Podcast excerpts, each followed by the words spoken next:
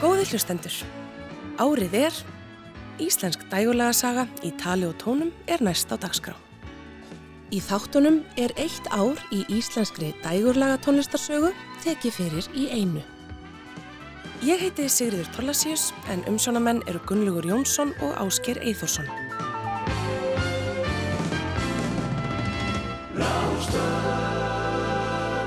Árið er 1994.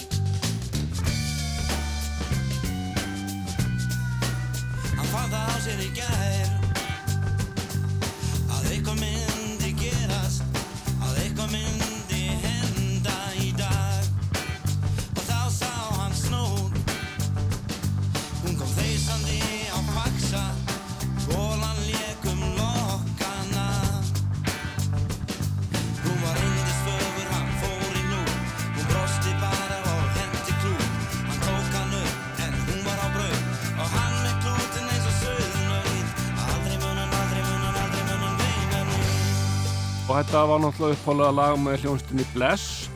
Þá var að reyta bara tvö erindi en svo bætti ég við þeim erindum ég viðbútt Jújú, ég ætlaði fyrst að fá Hallbjörn Hjartarsson til að syngja þetta. Og átti hérna leiðum Country By og var með demo af spólu þar sem ég var búin að syngja þetta sjálfur. Og heitti meistarann inn, á, inn í stúdíu og hann hlusta á þetta eða við hlustum á þetta. Og svo þetta var búið þá sagði hann, já ég hefa fyrir regla að syngja bara það sem ég finnst skemmtilegt. Þannig að það, var ekkert úr því. En Rúnar hann var alveg til tuski enda algjör meistari og snillingur. Og bara um leið og hann var mættur í stúdíóið og fór að syngja von á grunninn þá einhvern veginn bara fatta maður að þetta var alveg rétt ákvörðun að fá hann. Þetta svín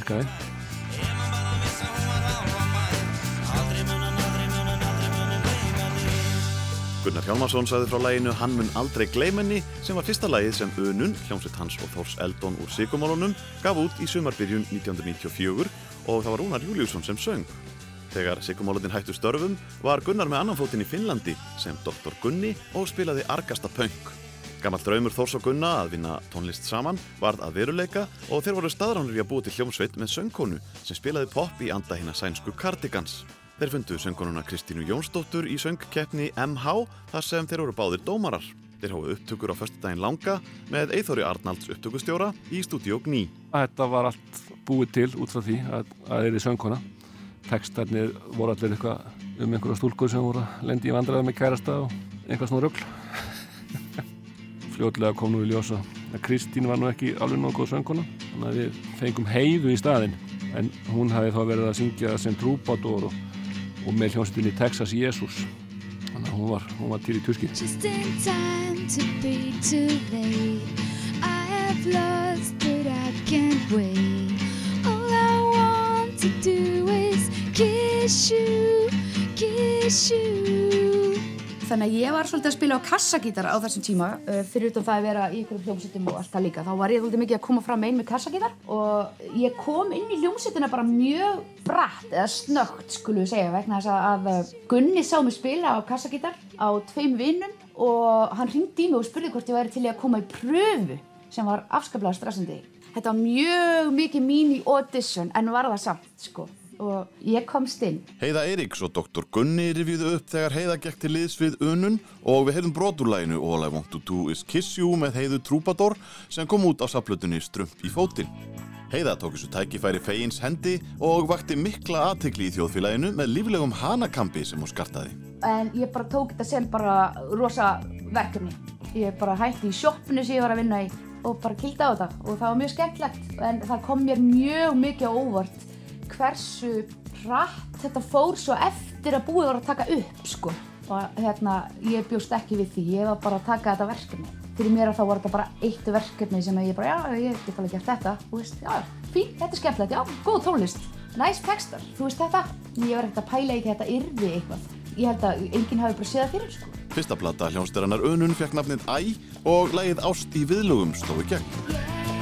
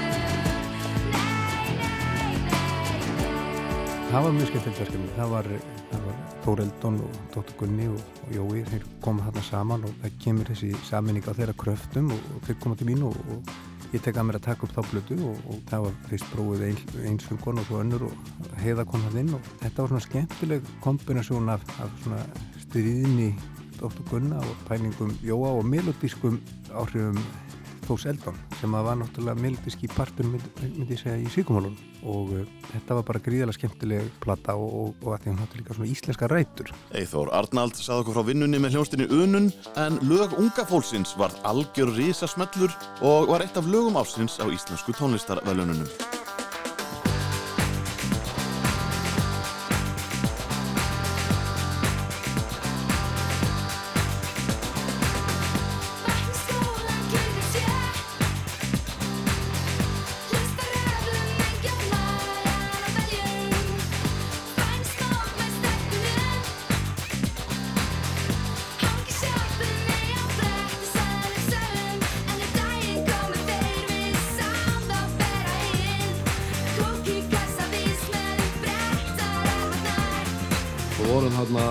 Megniða 94 að taka upp hlutuna Æ með Eithóri Arnalds í, í stúdíu Gní og svo bara er hún klár til útgáðu í, í desember. Fer svona ágætlega á staðarna fyrir jólinn og svo einhvern veginn er það ekki fyrir í, í janúar þegar við spilum hjá Hemma Gunn að hérna, þetta einhvern veginn fer allt á flug með, með þessu lægi, lög ungafólksins sem var hérna mjög vinsalt Þá er rauðin komin að nýlari hljómsveit sem vakið hefur miklu afbyggli og er reyndar afbrengi þeirra félaga Þórs Eldon sem áðar í Sigurmálunum og Gunnars Hjálmarssonar öðru nefndu Dr. Gunna og nefna þeir sveit sína unum. Reynasta unun með lög unga fólksins. Gjör það svo vel. Hemmi Gunn var náttúrulega mikill áhrifavaldur og svona ef maður komst í þáttinn þá náttúrulega var maður búinn að meika á Íslandi.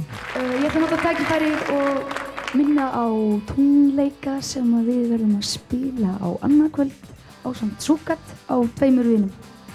Það var allt tróðið maður og aldrei síðan aðeins. Búin að vera að harka í einhverjum svarkutum draum og eitthvað fyrir 50-100 manns fram að því sko. Þetta var svona ánægilegt. Og þá fer platan að seljast meira og selst alveg allt árið.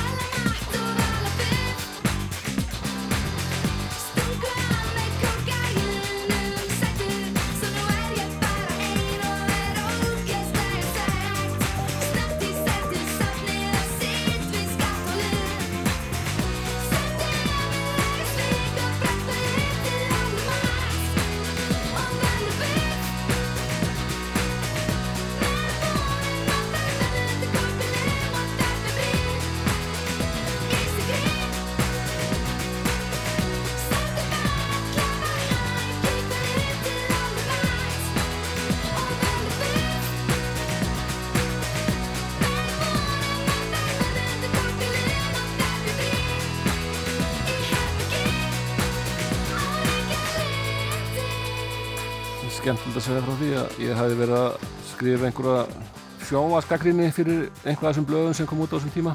Svona vikublöðum, eintæk eða eitthvað fleis þar einmitt fór ég mjög íllum orðum um, um hemmagreið og dissa hennar þátt alveg í spað. Þannig að það var doldið spænarlega að fara að spila hjá hann skömmu síðar. En hann náttúrulega svotan góð minni, hann var ekkert erfa svona vittleysu í unga dreinum og svo ég held ég hafi fengið einhver skam af velun hvað fyrir þetta á íslensku tónlistavelunum skömmu síðar einhvern svona spænal stittu en þá einmitt fengum við líka þá var æg hvað sín besta platan. Árið er 1994 Tölvu áhuga menn kannast við internetið og fyrir skömmu var netið í umræðinni vegna kláms og ofbeldis. Sigmundur Haldursson fjallaði um internetið og nú vegna smekkleysu. Smekkleysa er líklega fyrsta íslenska fyrirtæki sem að kemur sér fyrir á internetinu, ekki bara til að kynna sig heldur jáfnframt að, til þess að reyna að selja vöru sína og býður þar upp á já, smekkleysu vefin eins og þeir hafa kosið að kalla það. Þór Eldón er potturinn á pannan á, bakvið þetta. Þór, það að koma sér fyrir á internetinu, þetta lítur að vera tölvöld mál? Nei, það er það nú ekki. Sko. Þetta krefst þess að þú getur skrifað skikkanlega á ritvél eða tölvu. Ef þú getur búið til eitthvað efni, þá er ekkert mál að koma þig fyrir sko, á móður tölvunni út í háskóla eða hvað sem er. Sko. Og, og til hvers eru þið að, koma ykkur hérna fyrir og er, er þetta ekki svo rosalega mikið mála að, að nota þetta allt saman? Þarf maður ekki að vera tölvu séni ef maður getur sett sér svo til að, að geta verið að þvælast á þessu neti? Nei, það er, það búið, búið mjög hröð framþróun í, í forritum sem að sem lesa upplýsingar á, á netinu og eitt af þeim heitir Mosaic sem er mjög notenda vinsamlegt. Eða þannig sko þeir segja um það þú veist að maður þarf ekki að vera greindar en húsfluga til að, til að geta stjórnaði sko. Eh, Sjón, þú, þú hefur verið að aðstofa við þetta og þín hlið hefur já, snúið að já, stórstjörnun okkar, Björk. Já, já, ég hérna er uh, rítstjóri heimasíðunar hennar Bjarkar og um, er uh, í augnablikinu fyrst og fremst uh, upplýsingar og skemmtun og þar sem að uh, forvitnir geta fengið bakgrunn Bjarkar, það sem hún var að gera hérna í gamla daga. Það er svona að verða að skrifa æfisögunar þar jámt og þetta, endar að vísu við sigumuluna núna og hvað hún er að gera í augnablikinu. Það eru ljósmyndir hérna og þaðan, tónlistar sínisóðn og annað og, og, og, og vídeobútur, Violently Happy sem var aldrei sínt í Ameríku. Maður semst að horta á vídeo í gegnum þetta líka?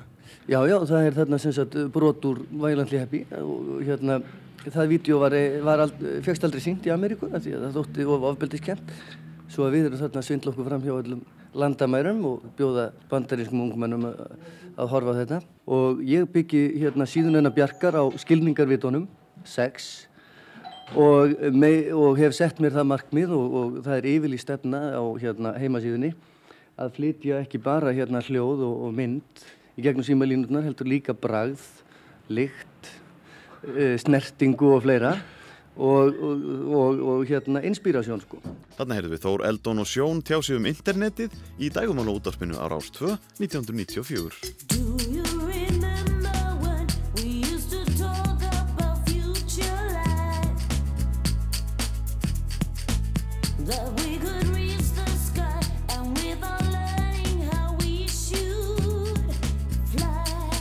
Áður en Hotmobil hætti formlega störfum í áslokk 1993 var Eithór Arnalds farin að vinna tónlist með unnustu sinni Móiði Jóniusdóttur. Þau kölluðu sér Bong og sendu fyrstu lögin frá sér á sapplötum 1993. Í byrjun árs 1994 sendu þau frá sér lagið Do You Remember á sapplötunni Íkt Stöf.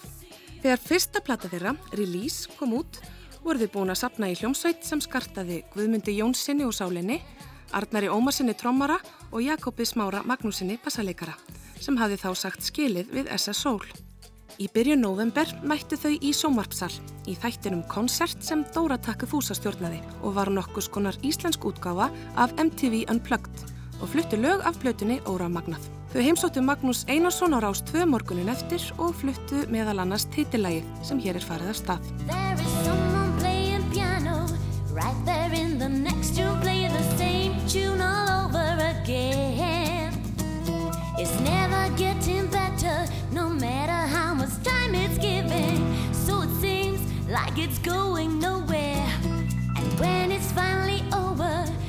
Try to regain my dreaming He will start from beginning till the end By the time I get up and I think it lasts forever Suddenly stops, but I'm up and it's alright.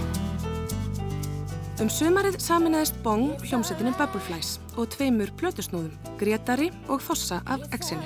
Saman kölluðu þau sig Bobflokkin og fóru í tónleikaferðum sumarið sem þau nefndu Grúfi, Sérlof og Dýrð. Til að kynna herliheitinn dreif flokkurinn sig í hljóðverð þar sem lægið Lose Your Mind var tekið upp og í framaldi að því var tekið upp eftirminnilegt myndband í strætisvagnir.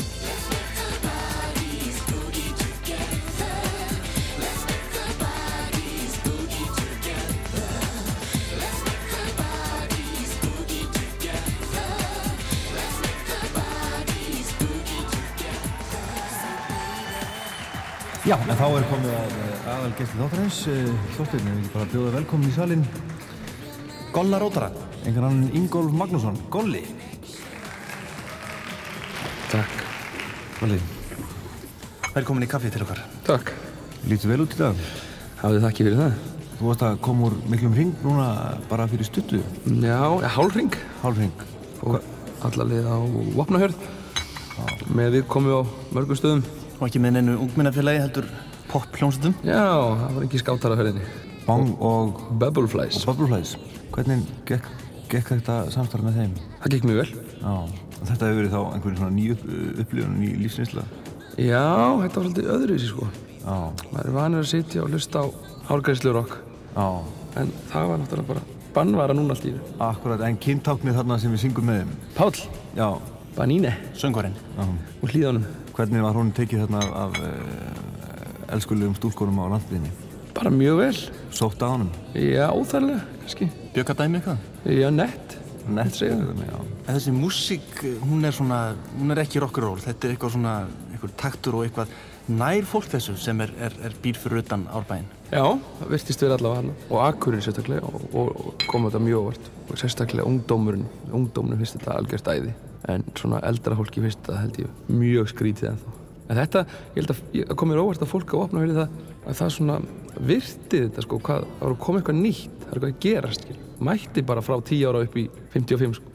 Við heyrðum brot úr þættinum T fyrir 2 á Rás 2 sem var í umsjón Hjalmars Hjalmarssonar og Þorsteins Jóð. Gestur þáttarins var Ingólfur Magnússon, eða bara Golli Rótari eins og hann var kallaður, sem var á þessum tíma mest að vinna með Totmobil, Nýdanskri og Mezzoforte. Hljómsveitin Bubbleflies gaf út sína aðra plötu Pinocchio undir lok ás 1994. Daniel Ágúst Haraldsson var upptökustjóri og hann hefur látið hafa eftir sér að vinnan með Bubbleflies hafi haft mikil áhrif á hann. Enda komst hann þarna í kynni við ráftónlistarsennuna sem átti svo eftir að draga dilka á eftir sér strax á næsta ári 1995. Platan var rockaðri en frumburðurinn eins og titilægið gefið til kynna.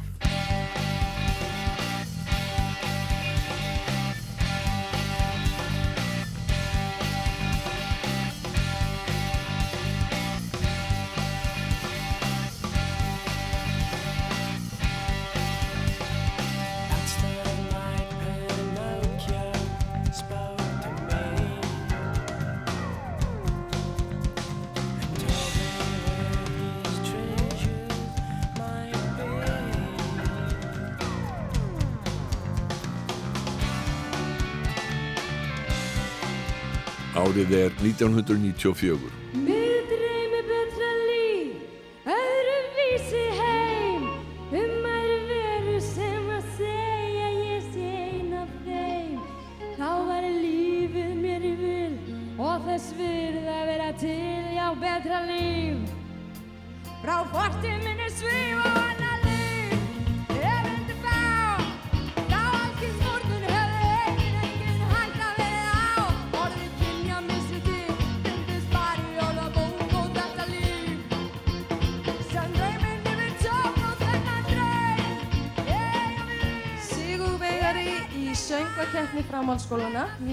1994.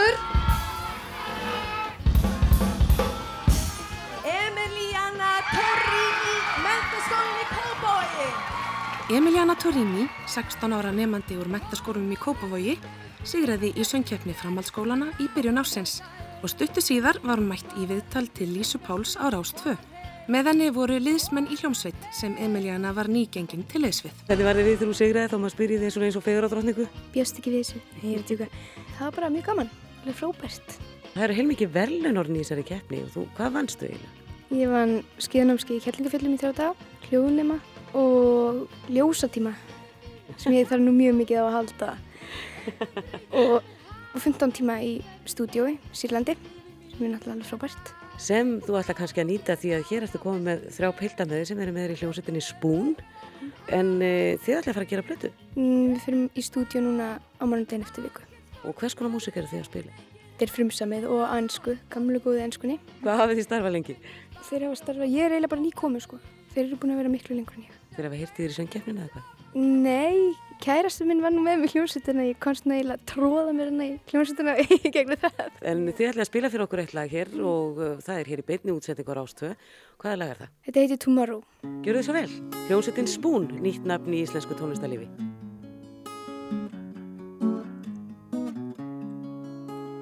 Stepping into the light from deep thoughts in my mind. I always knew there was a light, but it was so hard to extended my steps, but none to sign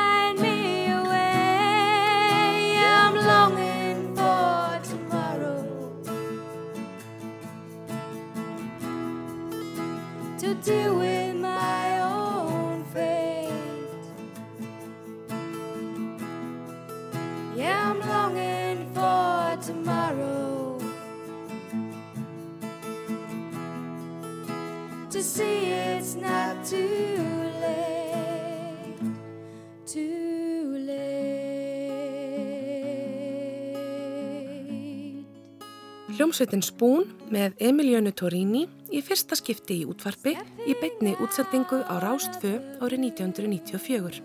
Sveitin flutti óútgefið lag Tomorrow sem kom út á fyrstu og einu plötu Spoon skömmu síðar.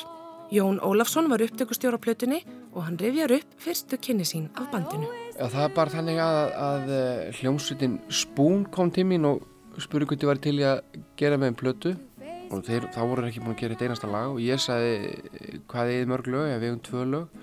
Þá sagði ég að talið við mig þeir eru búin að semja 30 lög. Og þeir bara fóru og gerðu 30 lög og komu nokkru mánuðu síðar aftur með kassetu.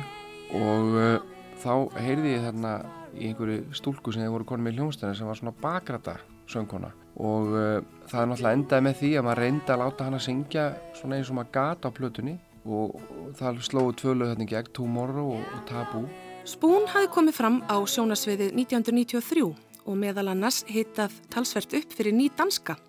En hlutirnir fór ekki að ganga upp fyrir en Emiliana Torini hefði gengið til liðs við sveitina. Spoon vildi ekki setja lag á sapplötu um sömarið en bráða það ráð að dreifa læginu Tabú á útvarstöðvar á datsbólu og það var ekki að sögum að spyrja, lægið sló í gegn og nafn söngkonunar ungu var á allra vörum. Standing in the doorway, seeking shelter from the rain. Her worn out dress and a careless look was made of something her stepdad took.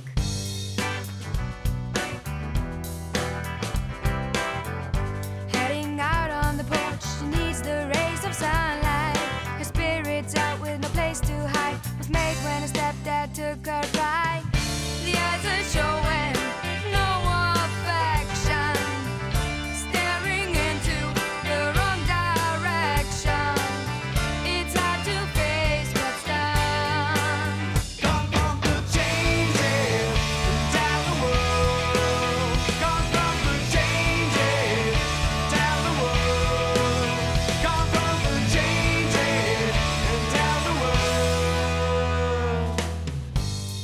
Árið er 1994. Ungir kvikmyndagerðamenn á Akureyri sendu frá sér nýja íslenska kvikmynd sem fekk nafnið Negliði næst. Leikstjóri var Sævar Guðmundsson og ábyrnandi myndinni var tónlist sem þeir Jón Andri Sigursson og Trausti Haraldsson sömdu við texta Odds Bjarnar Þorkelssonar. Trausti átti að semja mikið með Páli Óskari. Ung söngkona sem hafði nýklárað Vestlunarskólan og átti eftir að láta mikið að sig kveða á næstu árum, Selma Björnsdóttir, söng í læginu N1 Ring, en í titilægi myndarinnar fengu þeir Stefán Hilmarsson til lýsið sig. Augu þín leita og finna eins mig Lóði það öskra Við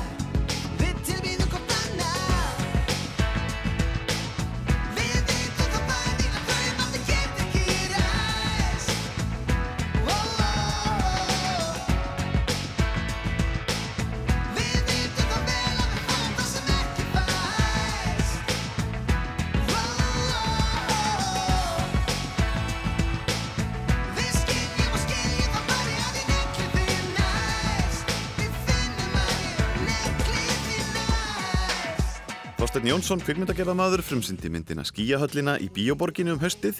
Myndin byggir á sögu Guðmundar Ólafssonar leikara og rituhundar um drengin Emil og hundin Skunda. Bíódagar, kvikmynd Friðriks Þórs Friðrikssonar var frumsýnd 30. júni í Stjörnubíói. En hún fjallar um sveitatvöl 10 ára stráks, Tómasar, sömarið 1964 og fleiri atburði í lífi hans. Megin hluti tónlistarinnar í myndinni var frá sjötta og sjöunda áratögnum en Bubbi Mortens samti titillægið. Hann sagði í viðtali við dagblæði Vísi að hann hefði samið lægið í 60s feeling á 10 mínútum. Hann var að fullu að vinna að plötunni þrýr heimar þegar Friðrik leitaði til hans og hafði lítinn tíma en sagði síðan við bladamanninn maður segir ekki nei við Friðrik.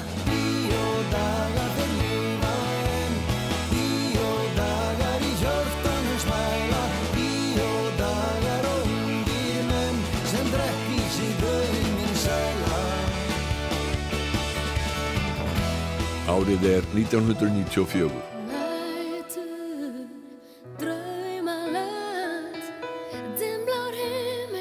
Það var leitað til þryggja lagahöfunda þegar koma því að velja lag sem átt að keppa fyrir Íslands hönd í Eurovision og lögin voru flutt í sjómanstættinum á tali hjá Hemmagunn. Sigrún Eva Ármannsdóttir söng sigurlægið Nætur eftir Fririk Karlsson við texta Stefáns Hilmarssonar. Írski útvittjarinn Frank McNamara vann lægið með Fririki og Stefáni og þeir urðu ásáttir um að leita til Sigriðar Beintinsdóttur og fá hana til að syngja lægið í keppninni sem fór fram í Döblin á Írlandi. Sigga Beintins hafði tvísvar skilað Íslandi góðum sætum í keppninni árið 1990 og 1992. Nætur endaði í tóltasæti sem var mikilvægt því fimm stiga lægstu löndin mistu keppnisrettin árið eftir. Írar sigruðu þriðja árið í röð. Nú voru það Paul Harrington og Charlie McGettigan með lægið Rock'n'Roll Kids.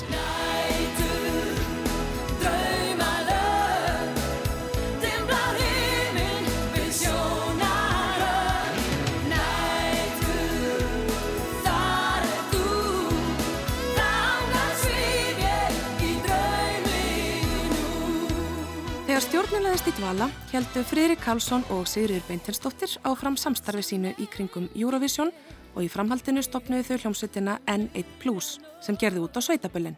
Frámuleikarin Halldór Gunnlaugur Haugsson sem hafði verið með þeim í stjórninni var sjálfkjörinn en til viðbótar fengu þau Guðmund Jónsson gítarleikara og Þórð Guðmundsson bassaleikara. N1 tók upp lögin Frelsið og Sé ég þig eftir Friðrik og Guðmund sem kom út á sapplötunni Já takk á vegum Japis í júni. Mánuði setna var tilkynnt að N1 Plus hefði gert samning við skífuna og að von væri á nýju lægi og stórri plötu eftir ár. En hljómsveitin hætti hins vegar áður en til þess kom.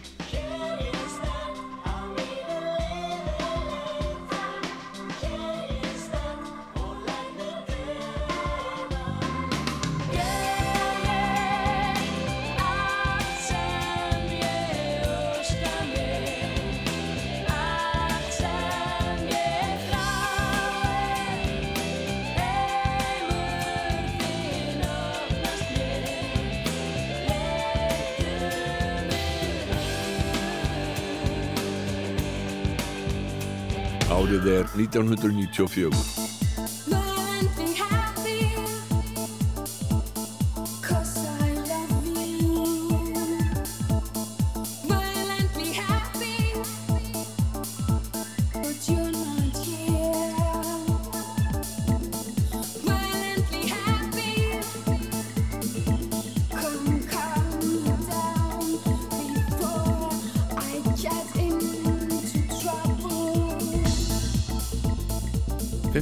og síðasta smáskjöfulag debutplötu Bjarkar Guðmundsdóttur var Violently Happy sem hún samti í samvinnu með Nelly Hooper. Lægi kom út á smáskífu 7. mars 1994 og náði 13. sæti breska listans og 3. sæti bandaríska danslistans. Nokkrum vikum áður hafði Björk tekið á móti tveimur viðurkenningum á Brit Awards hátíðinni sem besta erlenda söngkonan og besti nýliðin. Í fyrirfloknum var hún tilnefnd á samt söngkonunum Janet Jackson, Tina Turner, Mariah Carey og Nancy Griffith en í setnifloknum voru það hljómsveitinar Rage Against the Machine, Four Non Blondes, Spin Doctors og Sisters with Voices sem þurftu að játa sér sigraðar. Björk tróðu upp á samt ennsku söngurunni PJ Harvey á Brittháttíðinni og saman fluttu þær frumlega útgáfu af Rolling Stones læginu I Can't Get No Satisfaction. can get no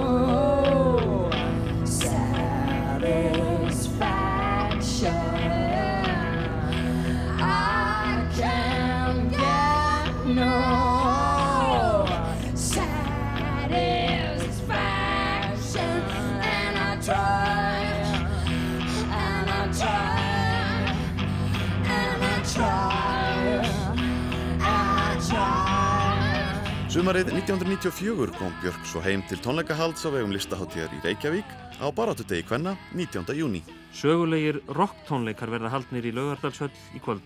Þá kemur Björk Guðmundsdóttir fram í fyrsta skipti síðan hún sló í gegn víða um lönd með plötu sína debut. Björk hefur verið á ferð og flugi síðan plata hennar kom út í fyrra og haldið tónleika um allan heim. Henni hefur hins vegar ekki gefist tími til að koma fram hér á landi fyrir en nú. Björk hjælt bladamannafund í dag með erlendum og innlendum bladamönnum og þar sagði hún að tónleikarnir í kvöld skiptu sig miklu máli. Ég verð nú vera svolítið eigingjöld og segja bara að þetta er kannski tónleikarnir sem skipta mig persónlega mestu máli og allt sem er í hausnum á mér núna er bara veist, að spila öll þessi lög fyrir bara allt fólki sem ég þekki og vinnina og kunningjana og ættingjana og það er svolítið súleis fyrir mig því við erum náttúrulega búin að vera að spila þetta prógram núna í ekki oft en í bráðum ár samt þannig að það er kannski ekki svona einstök upplifin fyrir mig þannig sé að spila þessi lög en það að spila þið fyrir þetta fólk, það er mjög spes fyrir mig En hér er með þér fjöldi fólks, eh, 40 manns var talað um. Hvaða fólk er þetta? Þetta hefur orðið svona tilefni fyrir alltaf fólk sem unna með síðasti ár það getur hist því að þetta verið voru mikil bara síma og fax samskipti. Það er svona fólk eins og fólki sem að framleiðir stuttunarbólina mína og fólki sem að kaupar allar flugmiðana fyrir allt fólki sem fyrir mig og svo framvegis. Þetta voru mikið svona fólk sem að bara, þetta er svona, svona, svona viðbyrður. Það viti ástöðlega að koma allt núna. Er Íslandsverðin eins konar ásáttíð? Það liggur við. Það er kannski til þess að segja stutt, þá er það þannig. Björk kom líka fram í Unplugged tónleikaröð MTV sjónvarstöðurinnar og þar flutt hún öll lögin af debutplötunni og meira til. þar sem hún og hljómsveit hennar notuðust í fjöldan allan af óhefbundnum hljóðfærum. Hér heyrðum við brota tólkum Björkar á læginu Come to me. To me, I'll take care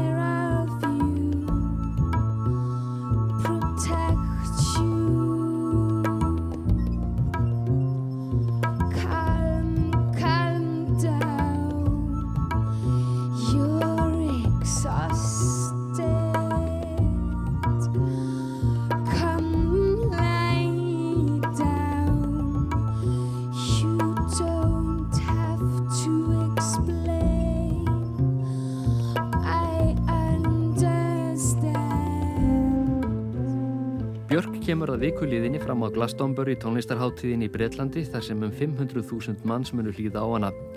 Næstu tvo mánuðina þarf hún að koma fram á þremur til fjórum slíkum háttíðum til viðbótar en annars einbyttir hún sér að næstu plötu sinni sem kemur vantanlega út í februar. Vinna við nýju plötuna er vel á veg komin en hverjir ætla að spila með Björk á henni? Það vill einhvern veginn þannig til að þegar maður semur þá endar maður einhvern veginn alltaf því að gera það sjálfur. Ég komið með svona undalegt orgel, hérna búið til nýja tegunda pípuorgeli. Það er einhver blanda af einhverju miðaldar hljóðfæri og, og trekupum og, og, og alumíum sem er í húsinu mínu og ég er eitthvað að tilraunast með það. Það minnst mjög gaman, ég er að taka búið mikið upp bara í, í húsinu mínu með svona leinimikrofónum minn í ristavelunum og svona. Svona smá James Bond, svona adrenalín komið í gang.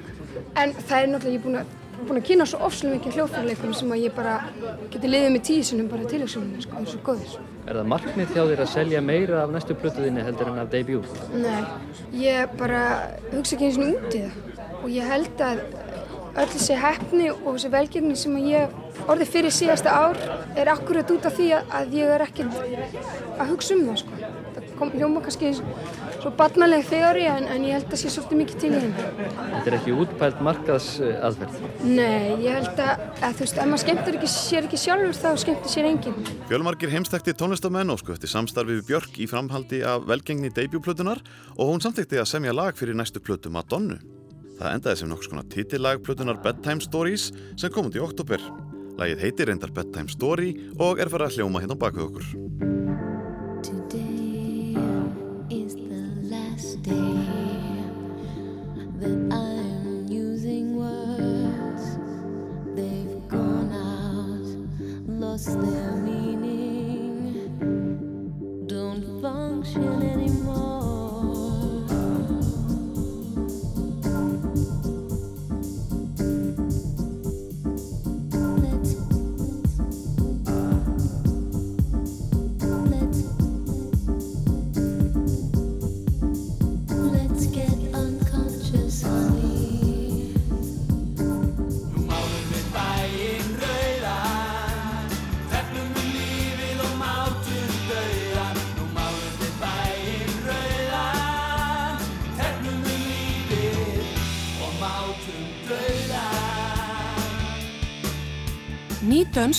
Dönsk tók að sér að vinna með Ólafi Hauki Símónasinni og Þórhalli Sigursinni leikstjóra að söngleiknum Gauragangi sem byggður var á samnefndri bók Ólafs Hauks. Ný dönsk samti tónlistina en Ólafur Haukur alla texta. Hljómsettin spilaði svo í söngleiknum en bæði platan og síningin slói í gegn. Gauragangur var frumsýndur í þjólikúsinu í februar 1994. Vinsælasta lagið í síningunni var Er hann sá rétti eftir Björn Jörund. Steinun Ólína Þorstensdóttir syngur.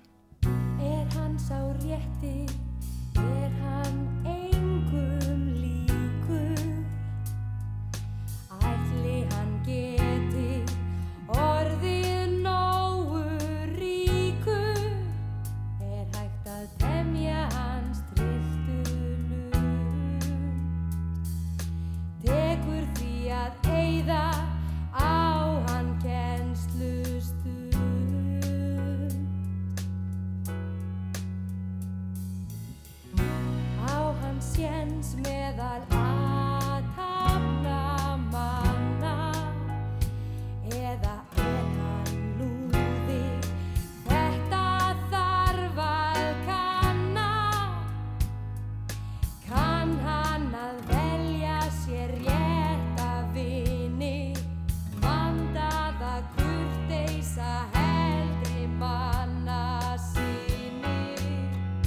Sýningin fekk frábærar viðtökur og var sínd 75 sinnum fyrir fullu húsi. Síðasta sýningin var 2. mass 1995, rúmu ári eftir var frumsýnd. Samstarf liðsmanna nýdanskrar fjaraði út voru 1994, þó svo að sveitin hafi haldið áfram að spila og syngja í gauragangi. Það má segja að listræn þreita hafi farið að gera vart við sig og frí var því óumflúið.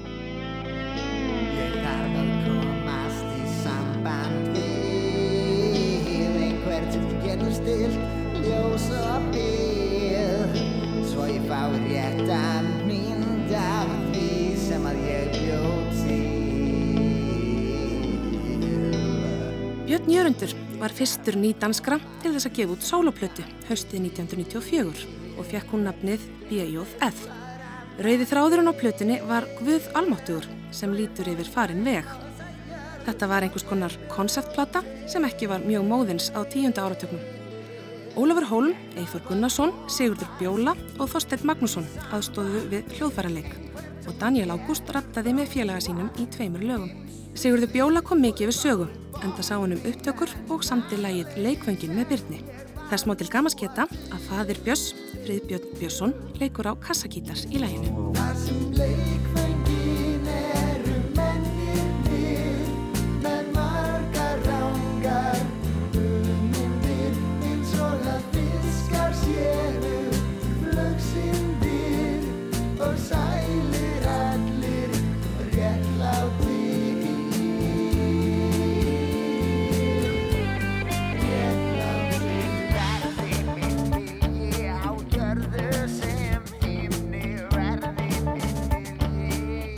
Árið er 1994.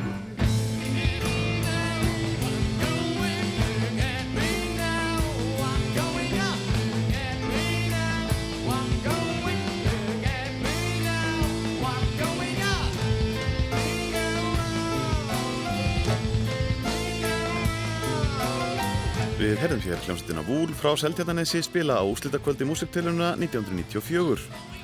Vúl skartaði höskuldi Ólafsinni sem átti síðar eftir að rappa með Kvarasi og meðal annara liðsmanna má nefna Orra Pál Dýrason, trómuleikara Sigur Rósar en Vúl þurfti að sætta sig við annað sætið. Sigur hljómsveitin kom hins vegar úr árbænum. Maus er róluháttur, rusl eða jafnvel bara gauð. Sögnin að mausast þýðir að gaufast eða dunda sér við eitthvað.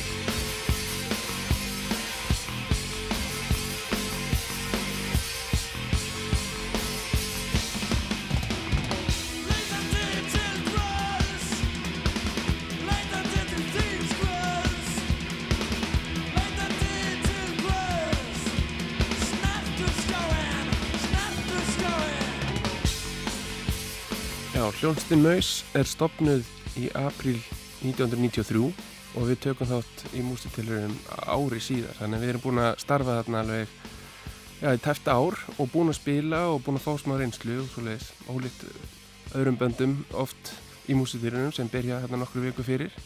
Þannig að við vorum svona nokkuð tilbúinir þegar að músitilunir voru. Okkur fannst það og ætluðum að vinna og unnum. Við vorum ekki svo öryggir um að vinna endilega sko en, en hérna við fengum góða gaggríni og hérna vel skrifað um okkur og það var svona með að lesa í blöðin aftur í tíma þá stóða þetta að vera örugt en við vorum ekkert endilega öryggir á því sko það voru margar fínar hljónsettir þetta, þetta ár þetta var bara þrjusu gott ár sko í músitilunum. Egert Gíslason, bassalegari Maus, rifjaði upp sigur hljómsveitarinnar í músiktilunum og undir hljómarlægið Skjár frá úslitakvöldinu. Með Egerti í Maus voru Birgir Steinarsson söngvari og gítalegari, Daniel Þorstensson trommari og Pál Ragnar Pálsson gítalegari. En hvað tók við hjá bandinu eftir sigurinn í músiktilunum? Það sem gerist eftir músitilunum er að okkur er bóðið að taka þátt í Sablötu hjá Smekklusu. Það var 50 ára líðvildisamali þetta ár, 94 og Smekklis að gefa út plötuna Smekklis í halvöld þar verðum við með eitt lag sem heitir Skjár og þessi plati gefur út 17. júni og fullt af svona neðanjarðar böndum á, á þessari plötu og síðan fáum við samning hjá Smekklisu um bara e, einna plötu samning um að gefa út plötu og, og það er platan Allar kenningar heimsins og ögg meira sem að kemur út þarna um höstið og við vorum það miklu svona með miklu hugssjóni sko, okkur fannst alveg glata að setja lagið sem að var á sablutinni, Skjár, sem var orðið vinsalt lag, eða svona, gett vinsalt á öllum útástöðum, en svona var, var okkar svona vinsala lag. Vildum ekki setja það á plötinu um haustið það því að þetta var orðið svona skamalt fyrir okkur þetta lag og átti bara heima á sablutinni sko. Það var náttúrulega algjör vittlis að hjá okkur sko. Plata Maus, allar kenningar heimsins og ögn meira kom út um haustið og fekk góða dóma hjá pop-skrýböndum. Átni Mattíasson á Morgonblæðinu var sérstaklega ánæðið með að hljómsettin skildi semja og syngja á íslensku en mikil bylgja var í ungum hljómsettum á þessum tíma að syngja á ennsku. Hér heyrðu við lagið Ljósróf af fyrstu plötu Maus.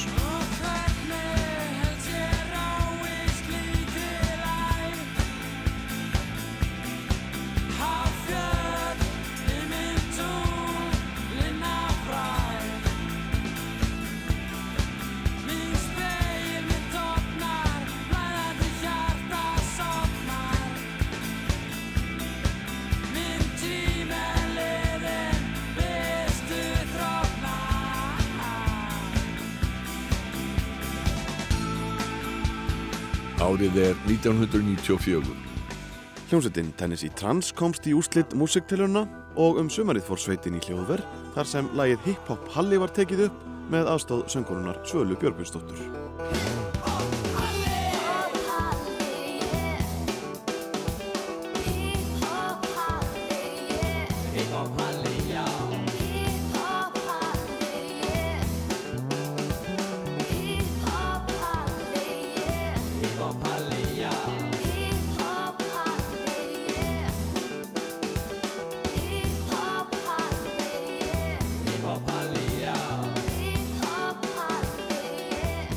Trans skartaði meðal annara Einari Tönsberg sem er betur þekktur í dag sem E-Berg og trimblinum Arnari Ómarsinni sem hefur meðal annars trómað með Ham, Bubba og Apparat organkvartett. Svala Björgvins kom fram á popsviði þetta ár. Hún var í hljómsveitinu Skóp sem vakti mikla aðtikli um sumarið með gömlum diskosmelli.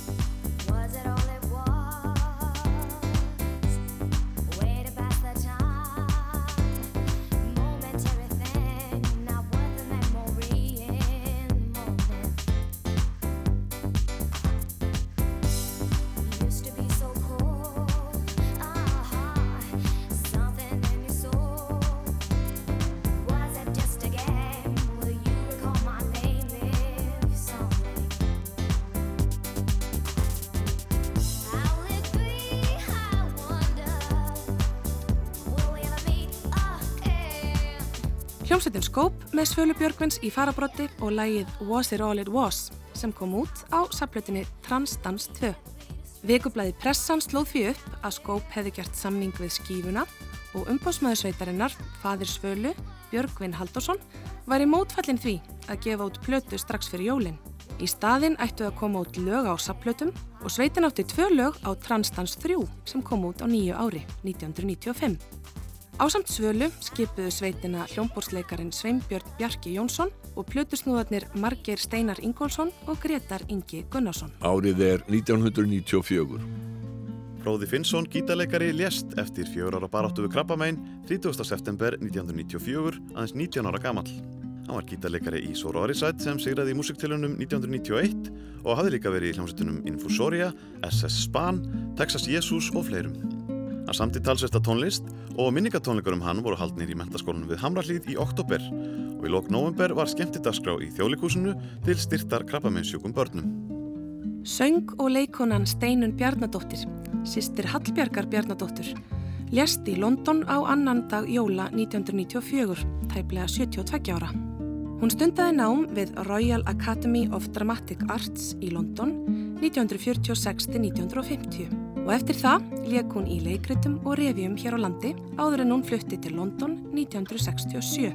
Hún söng með stöðmönnum á plötunni Sumar á Sýrlandi 1975 og gerði plötuna á Útopnu 1977 undir stjórn Jakobs Frímans Magnússonar. Árið 1992 stopnuðu þeir Frank Hall, Eiríkur Þorlefsson og Guðmundur Steingrímsson hljómsveitina Skára en ekkert og spiluðu aðalega kvikmyndatónlist á kaffihúsum með aðstóð harmoniku gítars og kontrabassa. Hljómsveitin spilaði á Hotel Borg í nokkur ár og var eftirsótt í brúðköpsveislum og koktelbóðum. Árið 1994 var Skára en ekkert bóðið að semja tónlist við uppfærslu leikópsins Frú Emilju á Kissuberjagarðinum eftir Anton Tjekov. Þá hóst nýtt og spennandi tímabil í sögu hljómsveitarinnar þegar hver leikús upphastlan fylgdi á eftir annari og liðsmenn fengu frjálsar hendur bak við tjöldin til að þróa sinn eigin tón. Nokkrum árum síðar hafði skárin ekkert ummyndast í hljómsveitina Ske sem sendi frá sig sína fyrstu plötu árið 2002 en hér er lag úr Kissuberagarðinum sem Egert Þorleifsson syngur. Ei hyrði ég um heimsins glaum Ei hyrði ég um sviknja tá Ó, hvað mér finnst gaman að leika á mandolín. Þetta er gítar, ekki mandólín. Í augum þess sem er trilltur af ást, þá er þetta mandolín. Ef hjarta mitt nú verndist af endur kveiktri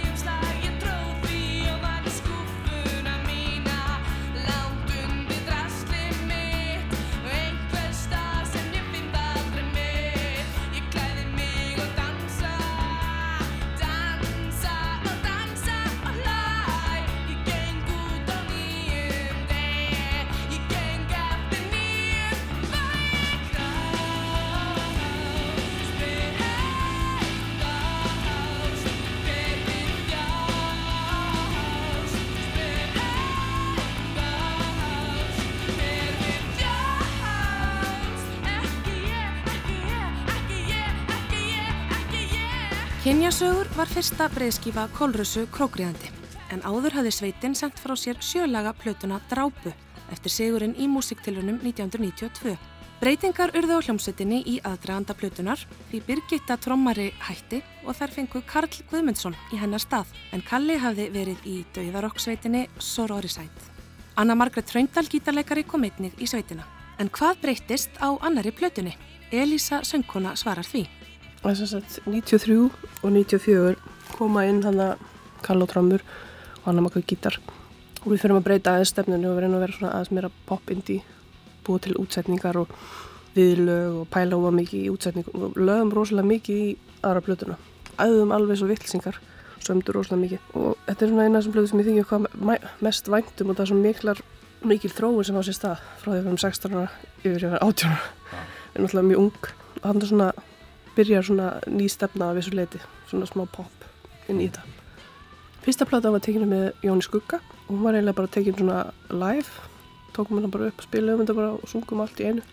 Önnu plata var tekinu með Ívar Bongo og það var mikið stuð og hann var alltaf í úr í sælni og þetta og við dyrkuðum hann og dyrkuðum henn. Þannig að það var skemmt, mjög skemmtilegt að taka þetta upp með hann. Já, það var mjög, við vorum mjög vel undirbúin fyrir þessa plötu, við vorum að æfa alveg rosalega mikið. Þannig að þau komin í stúdíu og það var það eiginlega bara mjög skemmtilegt ferdi. Árni Matt, tónlistarínir á Morgonblæðinu, var hæst ánaður með kynjasögur Kolrössu og talaði um jákvæðar breytingar með nýjum meðlumum og hún væri einn besta plata ásins. Það lag sem náði mestri spilun var Þú dyrð í dag.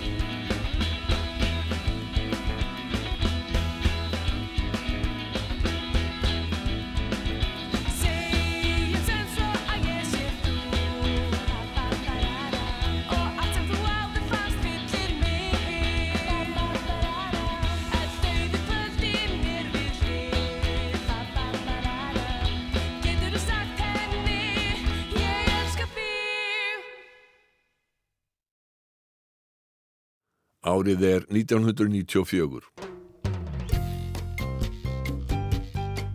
Þegar Sigtryggur Baldursson, eða Bókomil Font eins og hann kallaði sig, flutti af landi brott haustið 1993 eftir mikla velgengni plötu hans og miljónamærikana var hljómsveitin ekki á þeim buksunum að hætta og hóf leit að nýjum söngvara. Valið kom mörgum á óvart, Steingrimur Guðmundsson slægvistleikari segir frá. Ég hafði séð söngvara í sjónvarpi sem hétt Páll Óskar syngja lag sem hérna Diana Warwick í svona sem kom fram sem Diana Warwick í svona drag sjói sko. Og mér finnst þetta svo flott söngur. Fall, vel sungið og, og svona vel gert að ég hérna fannst þetta að vera söngarinn sem okkur vandaði og við fórum að hittum Pála hann var, var nýkominn frá New York sem hann ég held að takka eitthvað upp með ham eða eitthvað. Og við bárum erindu undir hann og ég hef með minna hann að við tekið sér ykkur fimm daga í það málið og hann sló til og þá var bara að byrja að æfa og Páll Óskar náttúrulega kom með sínar hugmyndir og sem voru mjög góðar sérstaklega Bört Bakarak lögina og mjög gott innlegin í eh, sjönda áratugs latin svona taktar sko Já. mjög, mjög góð tónlist Pero lato viene la ropa, oh, bao. Bao,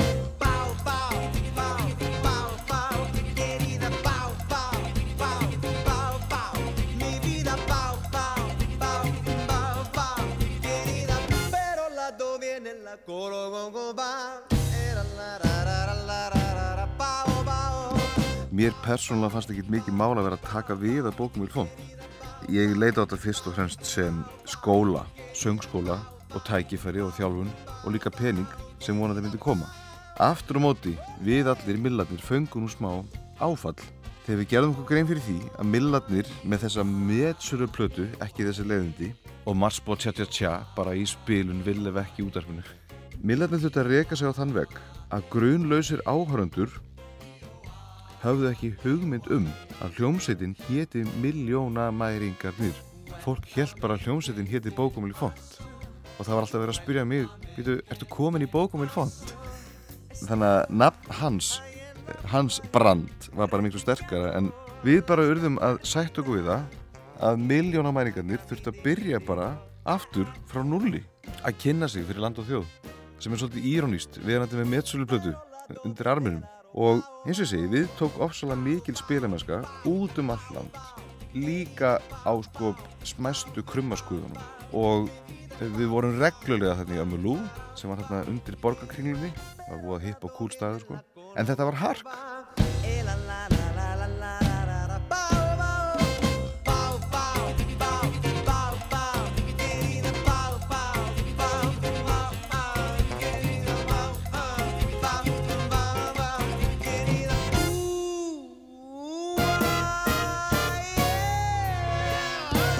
Páll Óskar og Miljónumæringarnir sendu frá sér plötuna Miljón á mann í byrjun sumars 1994 og um leið og fyrsta lagi fór að hljóma í útarpinu fóru landsmenn að átta sig á að nýr söngvari væri tekin við að bókum í font. Og að hljómsettin héti í raun Miljónumæringarnir. Það var eitt sinn katt sem gat ekki sitt ekki Átt og drakk og reykt og dansaði en aldrei fyrr. Gammal katt sem get á spænsku negro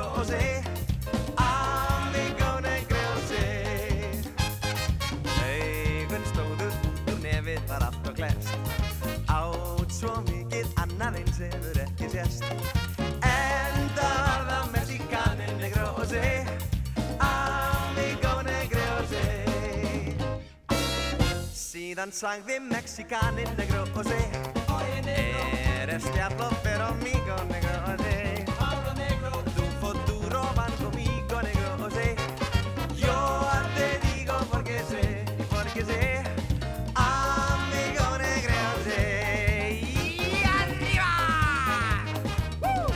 Páll Óskar og Miljónumæringarnir eru að flytja lagið Negro Jose af plötunni Miljón á mann en á sömu plötu söng títnemdur Bókomil Font duett með Palla í laginu Something Stupid sem feðgininn Frank og Nancy Sinatra gerðu vinsælt af 7. áratug 20. aldar. I know I stand in line until you think you have the time to spend an evening with me. And if we go somewhere to dance, I know that there's a chance you won't be afterwards we drop into a quiet little place and have a drink or two. And I go and spoil it all by saying something stupid like I love you. Plánetan fór aftur á stjá sömari 1994 eftir að hafa gefið út sína fyrstu plötu árið áður. Nýja platan átti í fyrstu að heita Mayonnaise en eftir velhæfnaða myndatöku þar sem liðsmenn voru myndaðir naktir vaðir með plastfilmu fekk platan nafnið Plast. Bassaleikaraskipti voru hljómsutinni þetta sömarið því Friðrik Sturluson fór utan til náms og stöðu hans tók Jakob Smári Magnússon. Það lag sem náði mestum vinsældum var Ég vissi það, þar sem Björgvin Halldórsson söng duett með Stefáni Hilmasinni.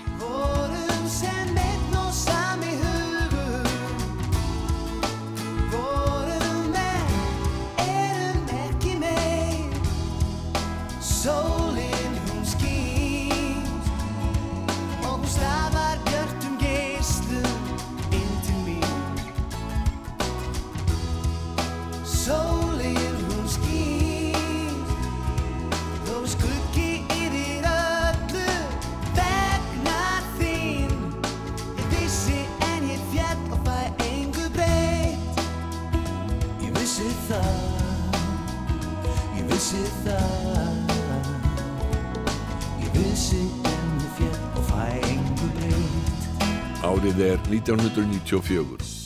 Flugfélagið Loftur í samvinnu með þjóðleikúsið ákvaða að setja upp söngleikin Hárið í Íslensku óperunni sumarið 1994.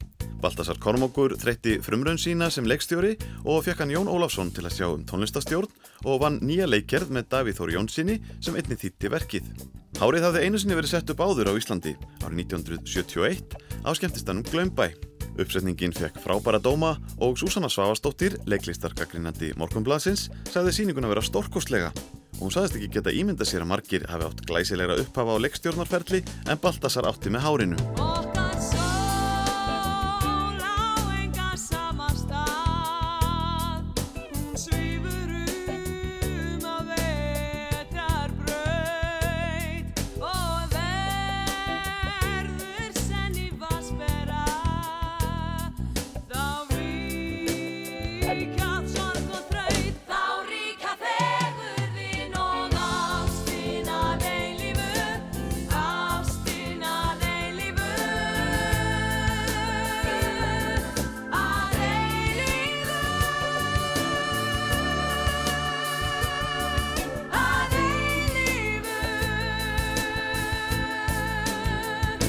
Já, þetta var, þetta var mjög uh, sérstakur tími. Þetta var, ég, ég var, náttúrulega hafði ekki leiksýnd, þetta er fyrsta leikstjóðaverkefni og ég var svona að láta mig dreyma að verða leikstjóri og svo fekk ég þessa hugmynd að endur gera hárið og reyna að finna sko leið til þess að, að, að endur skrifa það líka.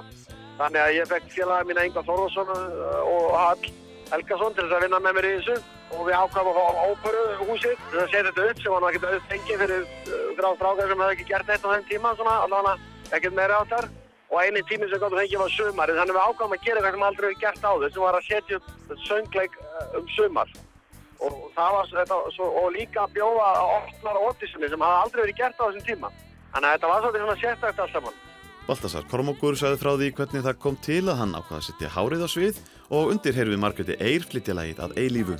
Sýningi sló eftirminnilegi gegn og þurfti að hætta sýningum fyrir fullu húsi um áramótin en þá hafði söngleikunni verið síndur 86 sinnum. Margir þeir sem komu fram í sýningunni stigu þar sín fyrstu skref í atvinnuleikhúsi. Fullt af þessum krökkum hafa síðan þessar krakkar sem voru í kórnum eh, hérna eins og Rúnar Freyr og Hansa og fleiri sem eru bara stóð nafn í leiklisíðinda Emilia Torrini var að koma þarna fram í fyrsta skipti, Margret Eyr var að koma þarna fram, svo það var Hilmi Snær og, og var, hann var, þetta er eiginlega eitt heldur fyrsta verkefni sem hann gerir eftir skóla. Og Yngvar var náttúrulega orðin að nafna þarna þegar ég gerði með þetta en Margret eh, Viljáns líka var, var uh, útskrifast. Jóhann G. Jóhann sem var að koma utan úr hérna námi, Örn, eh, hérna Jésús sem var nú í kórnum, hann var að líka koma fram með alltaf, hann kom nú bara beint úr partíbrúur Matti sem var, var í Júravision þurftu, hann var í kórnum, hann var að koma fram í þusskipti held ég líka, en það var alveg hópra krökkur sem kom hann og það kannski vegna þess að það hafði aldrei verið haldnar á þessum opnar rotisjónið í söngleikjum á Íslandi. Þetta kom svona, kom ákveðið orka með öllum þessum krökkum. Þetta var rosalega skemmtilegu tími og svo bara, svo var það mikið djama sko í, að það voru að djama út í sko hliðinu sem út á götu sko þriði áhörndur. Þannig að þetta var, þú veit, þetta var ekki síst þessi orka sem kom með þessum, þessum hóp sem var, var ástæði fyrir þessum success.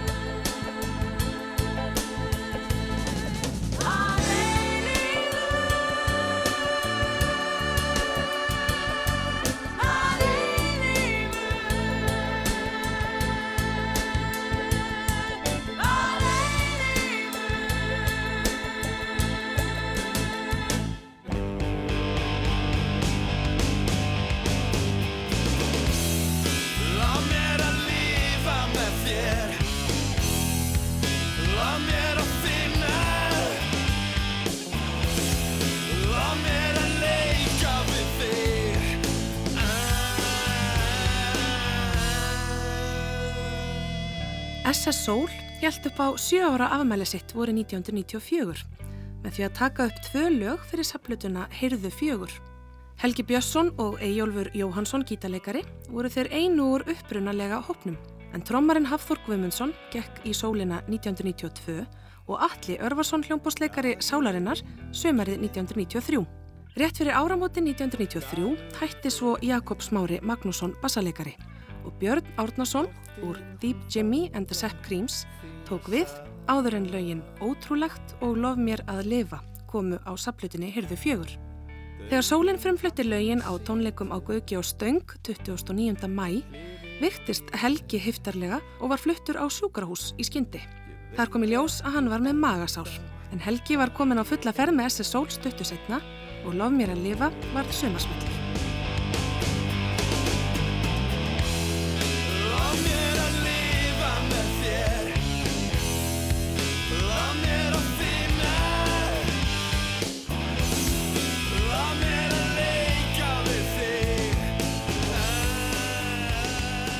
Skoski upptökustjórin Ian Morrow og upptökumæðurinn Sandy Jones komu til landsins þegar upptökur á plötunni Blóð fóru fram og voru lögin að mestu tekin upp beint í hljóðverinu eins og um tónleika væri að ræða.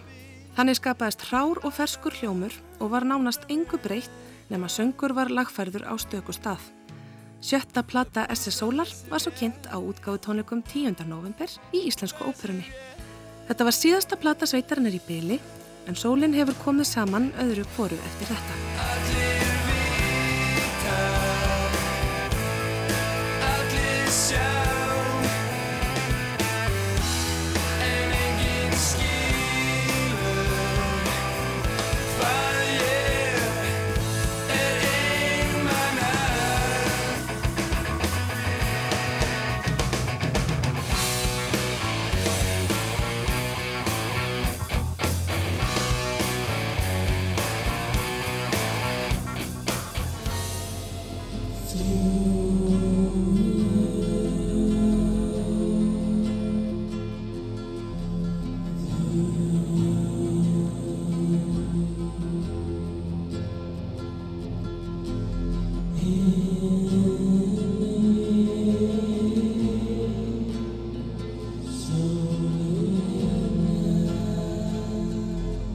Sigur Rós sendi frá sér sitt fyrsta lag á saplutinni Smekkleisa í halva öld sem kom út á þjóðatíðadaginn 17. júni. Lægið heitir Fljúðu en hljómsveitin kallaði sér endar Viktori Rós upp á ennska tungu. Í fyrstu var hljómsveitin skipuð þeim Jóni Þór Birgisinni, Georgi Holm og trómaranum Ágústi Ævari Gunnarsinni sem kynntust við nám í innskólanum. En hvernig byrjaði þetta allt saman? Bassalegarinn Georg Holm rifjar það upp. Hljómsveitin Sigurós var stopnuð 1994 í, hvað hétt aftur félagsmiðstöðin? Fellahellir, svolítið ég, ef ég maður rétt. Eh, Í stúdíónu þar, það var lítið stúdíó, ég veit ekki hvort séðar ennþá, það er dráhört að vita það. Við hérna vorum þrýr og okkur dætti vera gaman að vera í stúdíó. Þetta var 4. janúar 1994. Ákvæmum að fara bara að taka upp eitt lag, því við höfum aldrei verið í stúdíóður, bara på djókið. og hérna ákveðum bara eftir að við búin að taka upp grunnanleginu og okkur fannst það svo flottur að þetta væri hljómsveit þannig að í raun og veru stopnaði bara hljómsveitina þar og þá bara eftir einhverja 2-3 tíma í stúdíónu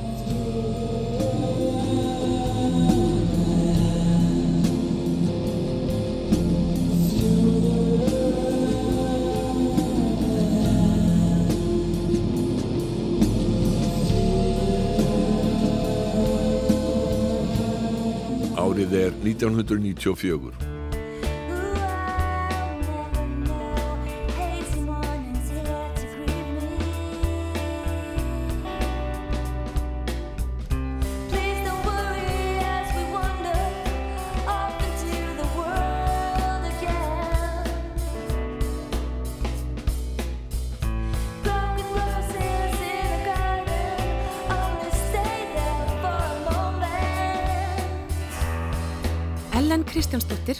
stopnaði hljómsveitina Komboið á samt Eðvarði Lárusinni gítarleikara, Þórði Högnasinni bassaleikara og trómaranum Birgi Baldusinni. Sveitin sendi frá sér samnemda tíulaga plötu sem innihjalt ljúvar og blúsaðar popflugur sem myndiðu skemmtilega heild. Lögin voru öll með enskum texta ef upphafslægið er undanskilið. En þar syngur Ellen um gamlan mann.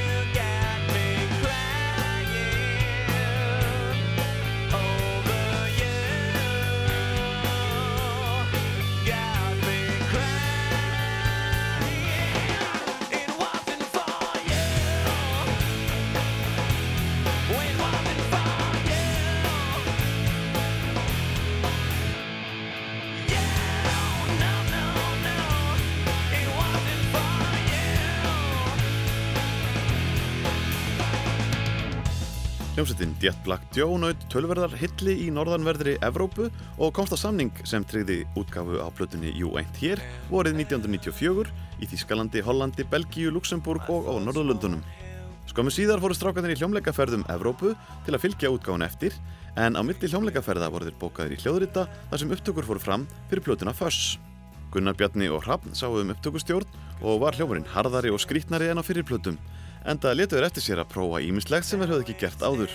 Fuss var gefin út í november hér á landi og hjælt hljómsveitin útgáðu tónleika á tveimur vinum. Hollenskir bladamenn mættu á staðinn til að fylgjast með sveitinni á heimavelli en ári síðar kom platan út í norðanverðri Evrópu, Suður Kóreu og Japan. Sveitin naut einni vinsalda á Filipsegjum þar sem Reyn náði fjórðasæti á vinsaldalista hjá stærstu útastöð landsins en bandi náði þó ekki að fylgja þeim árangri eftir. Gerum við fössplötuna þar á eftir og hún er hálfgerð svona bara flip sko. Þú veist, förum bara og setjum fullt af svona skemmtum lutum, við höfum gaman að þessu en reiknum ekkert með því að Palli mæti í stúdíu. En svo, svo drengurinn bara svo djöfelli góður að það er alveg saman hvað hann syngur þarna með okkur. Er þessu tímbili sérstaklega að það bara hljómar allt vel. Þannig að við gáttum leikt okkur þetta og fæla gaman og veist, fengum fullt budget fyrir þessu blöndu og platan vakti alltíkli og allt það sko. En ég myndi ekki segja það samt að verið þessi djæfla tjó sem við fórum á staðnum. Sko. Gunnar Bjarni Ragnarsson sagði frá plötunni Fuss sem fekk misjarnadóma en það breytti því ekki að Black Joe var valinn hljómsveit ásins þegar íslensku tónlistavelunin voru aðfend í mars árið eftir. Páll Rósinkrans var söngvari ásins og lagið Higher and Higher sló rækilega í gegn og var sjálfkjörið lag ásins.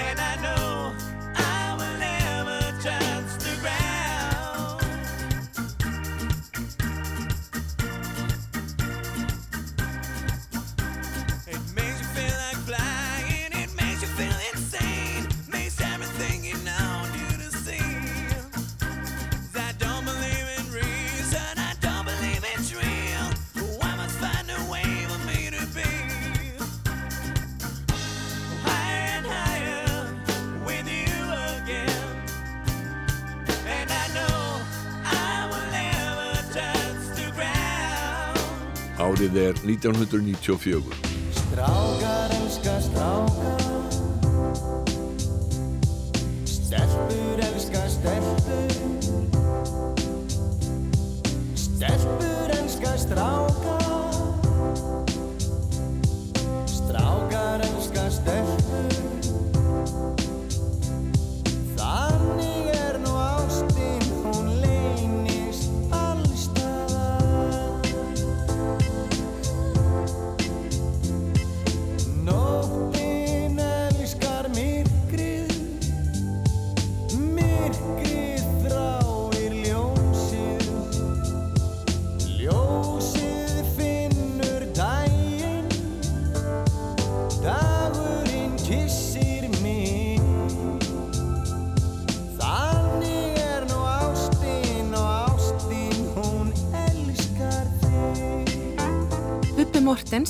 ætlaði að gera reggi og rapplötu og taka hana upp með Jimmy Cliff á Jamaica.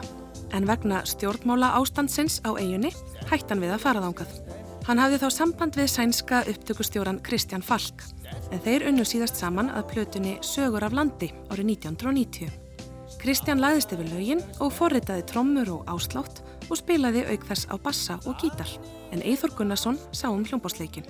Bubbi skaut hressilega á tónlistarfólk sem syngur á ennsku í rapplæginu Maður án tungumáls. Sumi segja ennskan sé aðalsvala málið. En ef íslenskan er nótur rétt á því skrifna málið Þið kunnu varla ennsku en ennska hljóma svör Íslenskan er hall og að nota hann er kvöld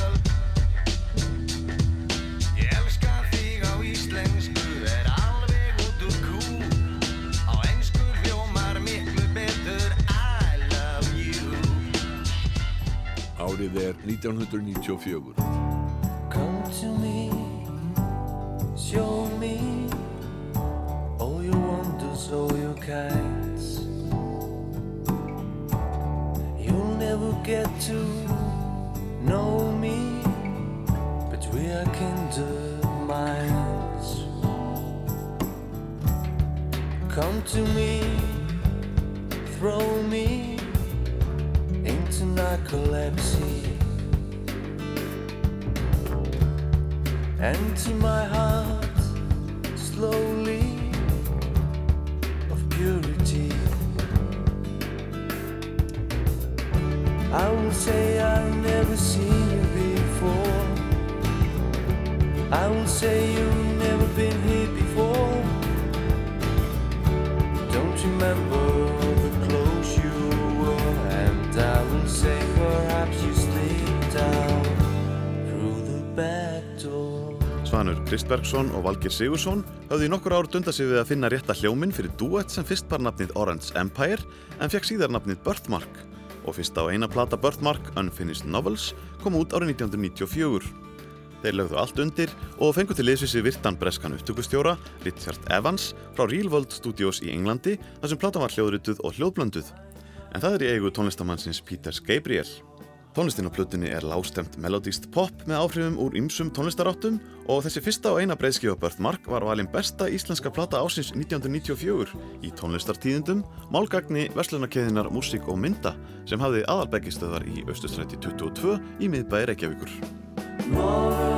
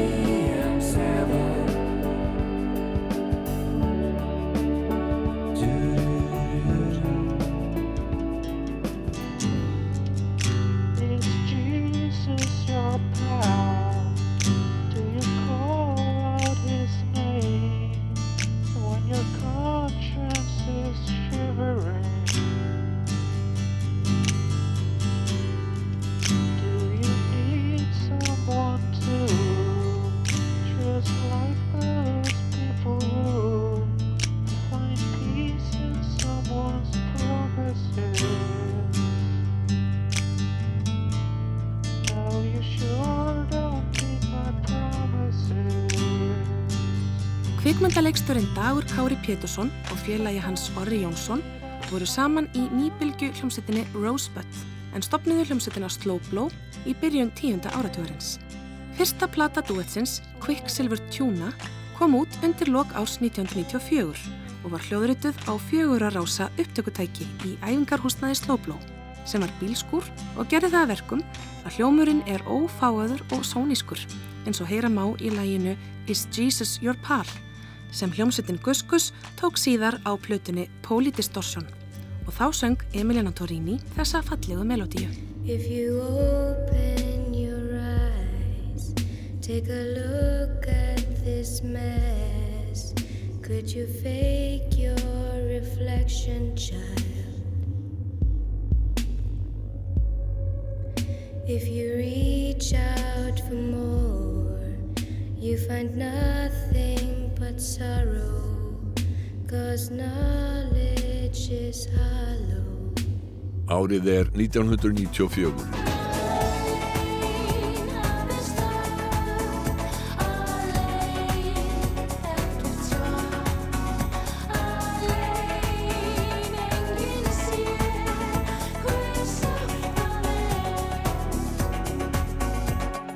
Þetta var mjög sérkennilegur hérna, tími. Það er eiginlega allar stóru sveitirna tóku ykkur svona pásu og stopnuðu ykkur stórfröðulega hljómsveitir út frá því. Eh, Eins og þetta svona horfið við okkur andru þegar að við ákvaðum að fara í pásu með tónbíl. Það voru íslu, íslensku tónlistafölunin sem er alltaf árið eftir og þá unnum við bara öll völunin. Nema með minni söngkona ásins. En hérna þá einfaldlega panikaruðu við smá að það væri komin pása. Það hafa allt í unnu svolítið svona rúman tíma, það var ekkert alveg eiga við okkur, þannig að við ákvaðum bara að halda áfram og þannig að við ákvaðum að fara í eitthvað allt, allt, allt annað og fórum bara og gerðum svona létt popljónsett sem hér til létta nafni Tweety. Fórum aðeins að, að pissu utan í disco og, og svoleiðis. En svo er bara Topmobil andinn, hann er náttúrulega bara svo ríkur í okkur að það dugði bara í eina plötu og þegar við ætlum að fara að gera Tweety plötu nr. 2, þá bara varð hún Topmobil-plata og var Perlur og Svín. Þorvaldur Bjarni sagði frá hljómsdynni Tweety sem hann stopnaði á samt Andriu Gilvardóttur í byrjun ás. Þorvaldur samt í laugin og Andrea textana og þau fengu Ólaf Hólm, Eid Arnarsson og Mána Svavarsson til liðs við sig til að fylgja plötunni eftir. Gott mál var eitt af lögum ásins og fekk aðtekli fyrir textan en Andrea hlaut nafnbótina textahundra ásins á Íslensku tónlistarverlununum 1994.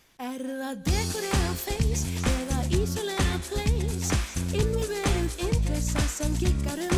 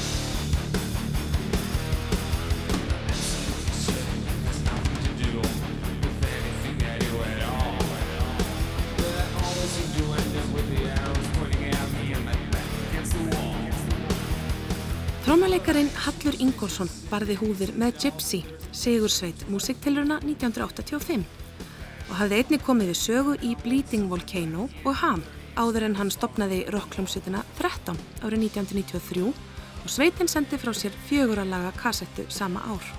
Fyrsta plata 13, Salt, kom svo út föstudaginn 13. mæ 1994.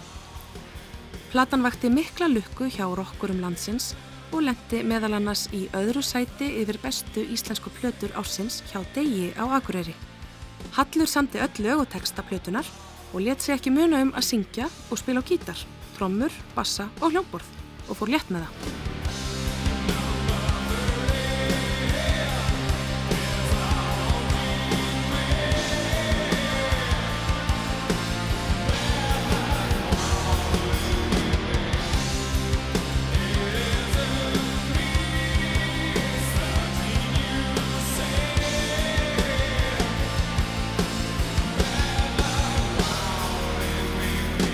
Er 1994.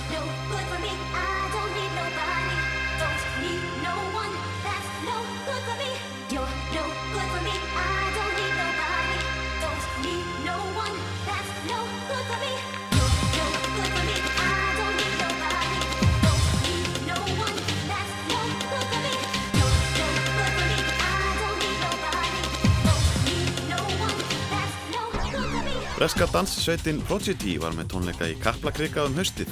Íslensk ungmenni voru spennt fyrir sveitinni sem hafði komið með plötuna Music for the Gilded Generation fyrr um sumarið og satt herskari krakka fyrir hljómsveitinni í von um einhandrarðanir.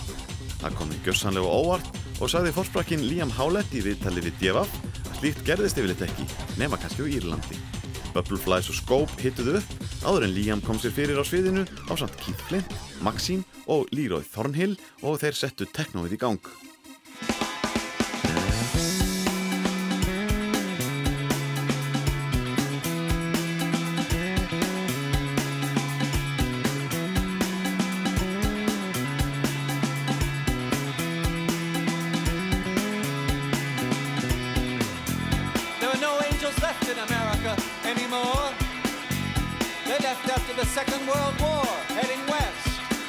Bandaríski tónlistamæðurinn David Byrne held tvenna hljómleika í Háskóla Bíói í byrjun september á samt hljómsett sinni fyrir tróðfullu húsi.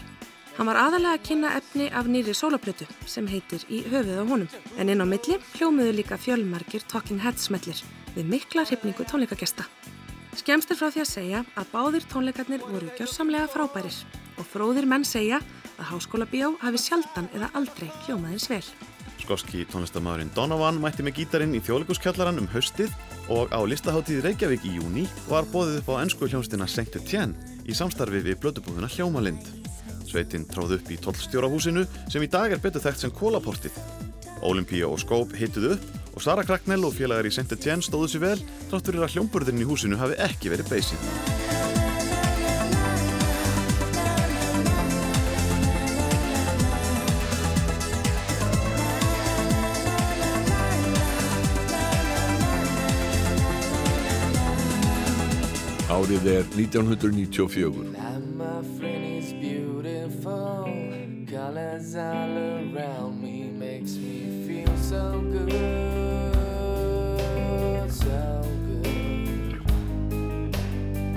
Feel better than yesterday. Gonna have a drink now. Do you think I should?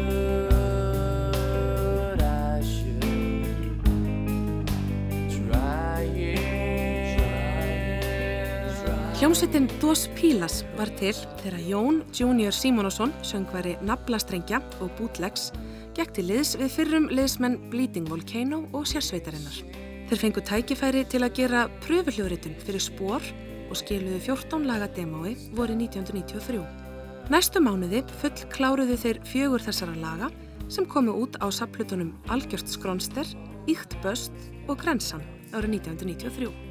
Voru 94 var lögunum fjórum sapnað saman á samt þremur nýjum upptökum fyrir stuttskifu sem bar nafn hljómsveitarinnar.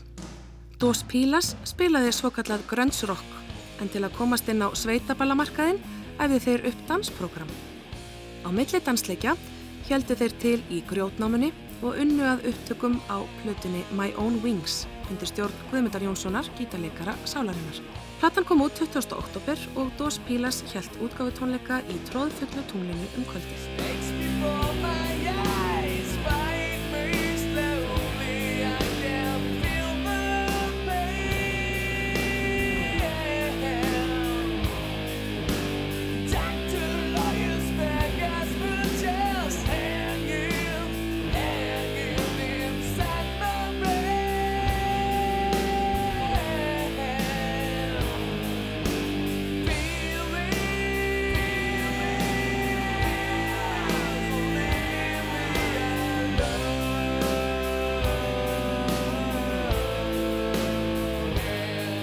Þið eru svona meira í harða rockinu, Dos Pilas og uh, hafið ekki enn gefið plötu. Nei.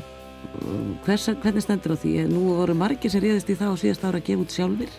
Eru þið bara svona að reyna að vinna ykkur sess og, og eða hvað? Hvað veldur? Við viljum halda okkur við það hérna dáskýringu við séum bara að þróa okkur músík og núna erum við tilbúin til að gera plötu, við erum að fara inn í stúdíó í næsta manni og taka upp tvær plötur reyndar, ein sjölagar sem kemur út uh, næsta vor og svo eru ein svona 10-13 lög sem kemur út næsta haust. Þannig að það er bara að gefa út tvær plötur á einu ári í stað fyrir núna á síðasta. Haldið að það verði ekkert á mikið að gefa út tvær plötur? Nei, nei.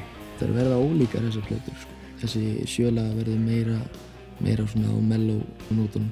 Svo kemur inn brjálið út og eftir því. Jón Söngvari og Ingimundur Elli Þorkelsson, bassaleikari Dos Pilas, spjölluðu við Lísu Páls á Rás 2 í byrjun ás 1994 og þar á undan heyrðu við lagið Schizophrenic af fyrstu breyðskífunni My Own Wings.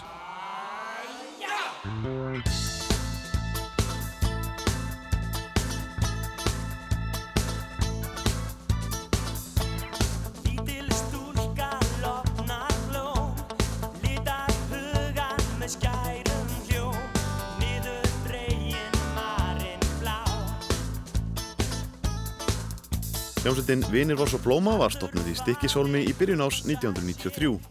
Njál Þórðarsson, Sigger Pétursson og Þorstein G. Ólafsson höfðu fyrir í busunum og þeim barst liðstyrkur úr höfuborginni í Birgi Nílsen og Gunnari Þór Eggertsinni.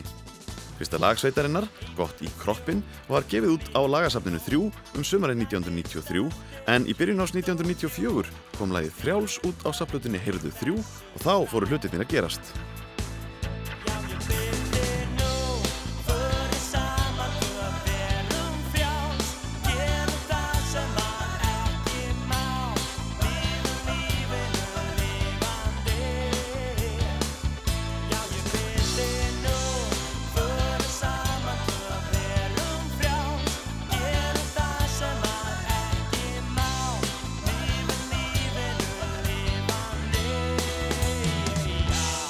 Stuttum fyrirvara dreif sveitis í hljóðver í mæ og þann 17. júni kom platan Æði á markað. Hún rock seldist. Vinir Voss og Blóma höfðu komið inn á markaðin á háréttum tíma þar sem stóru sveitaballasveitirnar lágu í dvala og börnin þeirra voru rómuð fyrir mikið stuð eins og heyrist í læginu Gott í kroppin sem tekið var upp á sveitaballi í Logalandi í Borgarfyrði um vorið.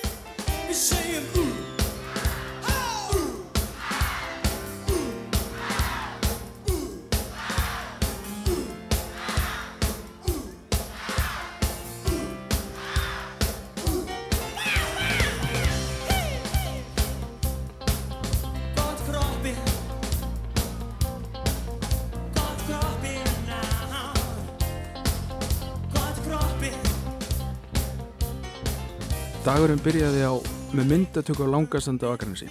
Svenni Speit sem verist mjög góðu ljósmyndari tók myndirnar. Við stóðum á hörfötunum einum fata, berfættir í sandinum að drepast úr kulda. Ég myndi ekki vilja vinna við þetta. Aldrei. Mjög fatt eitt umhverfi, svo þetta verður flott.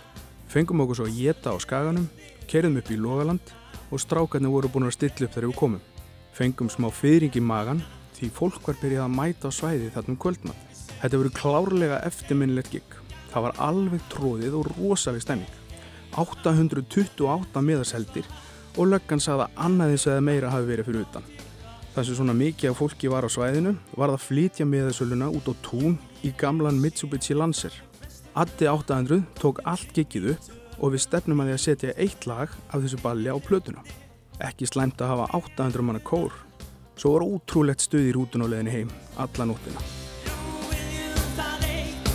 Byrja Var þú komin aftur á sterkirja Því nú vil ég bóta í þig og vilja Vinir Voss og Blóma í Logalandi voru 1994 með lagið Gott í kroppin. Og við heyrðum Njál Þórðarsson, hljómbúsleikara, lesa upp úr dagbókarfæslu sveitarinnar helgina sem ballið var haldið. Árið er 1994. Ég ráfa um í kösinni, kasta gömlum lott og mið í ruslið. Blóta vegna láleysis, kveikjum mér í síkarettu Þykist ekki sjá neitt svo ég þurf ekki að heilsa. Svo ég lendi ekki á spjalli því ég hef ekkert að segja. Þarna kemur þú með þunga pókana, ég sé að þú ert brjáluð. Ég fattar ekki að hjálpa til að bera og til að velja Þarna kemur þú með þunga pókana, alveg orðin geggjuð. Og þú geysist inn í mannfjöldan og ég gegnum lýsi þig Hörðu, ert ekki alltaf bissi krissi Fyrir einn djúpfengjandi dillan eins og mig Bjartmar Guðljósson fór til Danmörkur 1992 í myndlistarnám en spilaði líka tölverst og söng. Hann var valinn í samnorræna höfundarhljómsveit og kynntist þar Stefani Sundström og fleiri sænskum tónlistarmönnum sem hjálpuðu honum svo við gerð plötunar Bjartmar sem var tekin upp í Svíþjóð. Þar sang Bjartmar meðal annars um hana Bissi Krissi og lægið hljómaði reglulega í útvastækjum landsmanna árið 1994.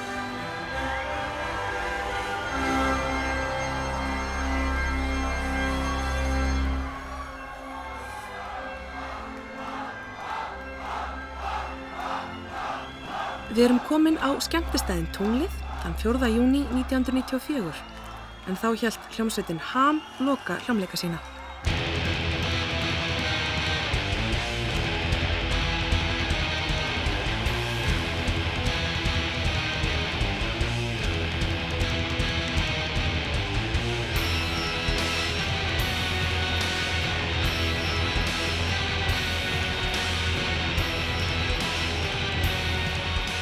Hljómsveitin Ham er svona dálítið Spinal Tap í Íslands. Við vorum svona, það var svona eld okkur óhefni. Hljómplötu fyrirtæki fóru á hausinn þegar við voru að fara að gefa plötunar okkar og tónleikastæðir hafðu tendensleis að brenna mjög fljótlega áður en við spilum þar eða rétt á eftir og við spilum þar. Og hérna svona alls konar rugg þegar að lokatónleikarnir voru haldin í tunglinu þá kom í ljós held ég bara daginn áður eða eitthvað svolítið að Rekstar aðili staðsins, staðsins sagt hafði ekki leiði fyrir skemmtunum. Þannig að hérna í Reykjavík stoppaði tónleikana af. Þetta var voða drama og búið að selja miða og mættir einhver hundru hérna, þungarokkara nýri lækakut og alveg brjáluða þegar það var ekki hleyftinn þannig að tónleikarna voru haldnir sko daginn eftir. Þetta svona bjóð til einhverja mýtu hjá mörgum held ég. Ég var á staðinum og eitthvað svona. Og svo náttúrulega lifði sótuma og lifir enn og það er svona meira heldur en margar bíómyndir og músikin hefur fengið að fljóta með. Óttar Proppi, söngvari Ham, sagði okkur frá hljómsveitinni sem ákvaða hætta og að halda veglega hljómleika sem fullt var á en hljómsveitin reys upp frá döðum árið 2001 þegar þíska roksveitin Ramstein kom til landsins til tónleikahalds. En hvers vegna hætti Ham sömari 1994? Við vorum kannski tónlistilega komnið daldið út í hotn, við vorum komnið í einhverja proggpælingar sem að við vorum ekkert beint að, voru ekki að passa okkur og við vorum, við vorum ekkert að valda neitt sérstaklega vel. Uh, 93 þá fórum við til New York og vorum þar í einhverja mánuði að djöplast og reyna að koma okkur áfram og það var mjög gaman og gaglegt en kom ekkert út úr því og menn voru bara orðin einhvern veginn þreyttir þannig að við ákvæmum frekar en einhvern veginn að verða leiðinlegur og, og hjakka og fá leið á hverju öðrum að þau myndu bara hætta með látum. Og gerðum það þarna sumari 94 og það er gaman að, gaman að segja sko að það er kannski eini punkturinn sem að hljómsveitinu var vinsal á þessu tíma. Þetta voru einaskipti, þetta voru lang fjölmennastu tónleikar sem við heldum á Íslandi. Var alveg tróðfullt tungl. Og ég man líka að þetta, var, þetta voru einu tónleikarnir á þessum hluta félagsins þar sem við borguðum okkur einhver smá laun, ég minn er að það veri 14 ára kall á mann Sigur Jón Kjartansson stopnaði hljómsveitina Ólimpíu eftir að ham lagði upp laupana og þar var blandað saman kröftugur rocki og taktvætni danstónlist. Sveitin sendi frá sér samnemda plötu sem var tilnemd til íslensku tónlistarveljunana. En þegar þarna var komið sögu var Sigur Jón að hasla sér völl í útvarpi með þáttunum heimsendi á Rás 2 sem hann styrði á samt mögustínu. En Jón Gnar kom þar talsvert við sögu, meðal annars með framhaldsleikrutum sínum Hotel Volkswagen og viðgerðamenn í Þískalandi. To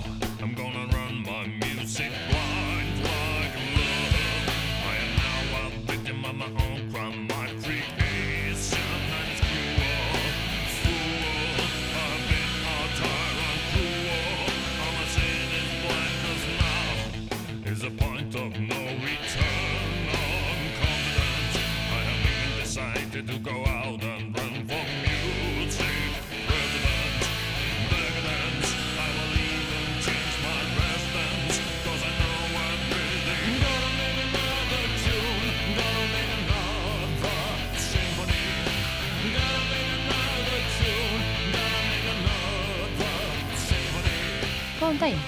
Þetta er áramót og þátturinn heimsendir. Ég heiti Margret Kristín Blöndal. Já, kontur sælu bessu, ég heiti Sigurjón Kjartansson.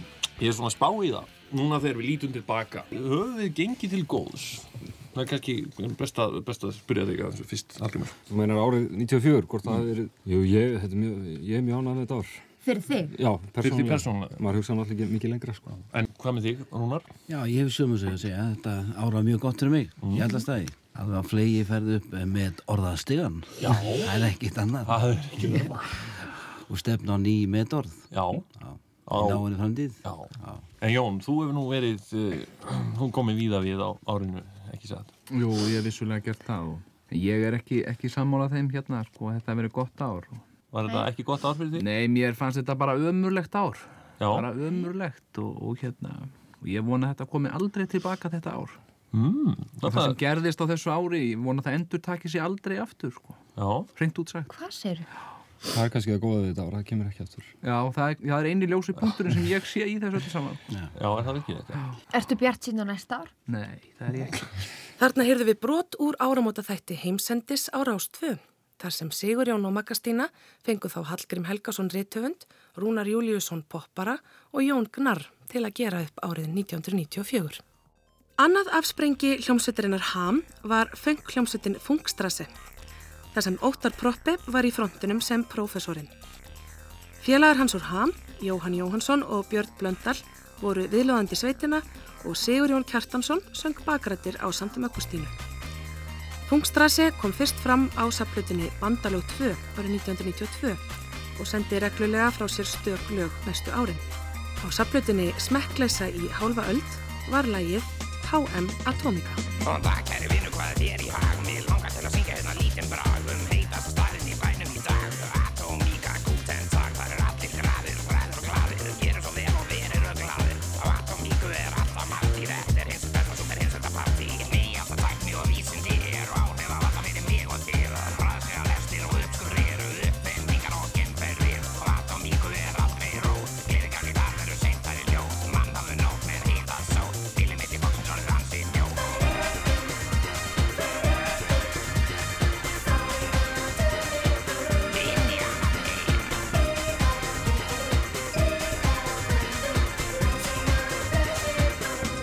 Plötusala ásins 1994 var mjög dreifð og í heldina aðeins betri en árið undan en samt sem áður stóðu færri plötur undir útlöfum kostnaði.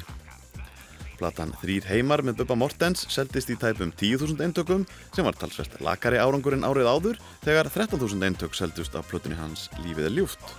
Næst á eftir Bubba kom söngfuglinn Dittu og platan Töfrar sem seldist í 8.000 eintökum. Miljónum mann með Páli Óskar og miljónumæringunum seldist í 5.000 eintökum og Emiliano Torrini og félagar í Spún náðu 4.300 eintaka sölu. Besta íslenska plata ásins að mati tónlistarspekinga hjá Degi og Devaf var Æ með Unun og hún var líka plata ásins á íslensku tónlistavelununum. Hún seldi samt ekki í nema 2000 eintökum á útgáfa árinu en tók góðan kipp árið 1995 og náði sér ágætlega á strikk.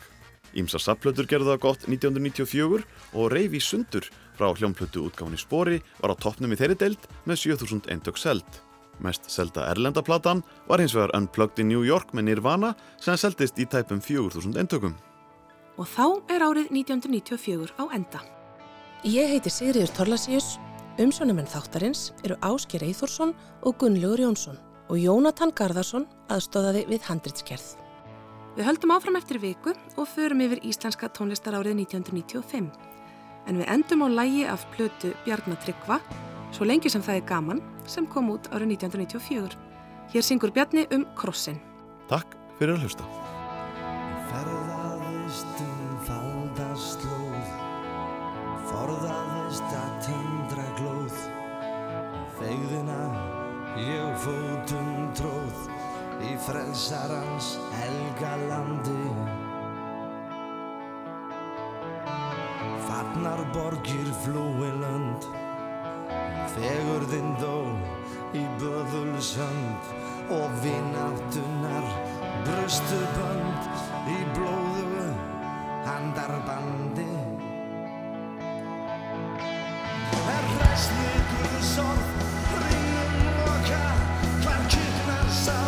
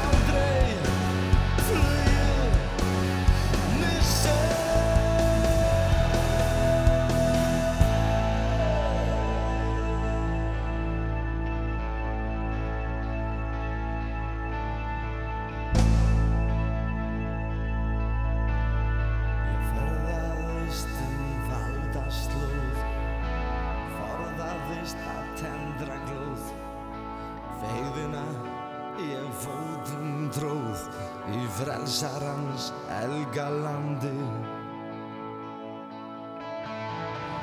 Farnar borgir flúi land Fegurðin dó í böðul sönd og vináttunar brustu bönd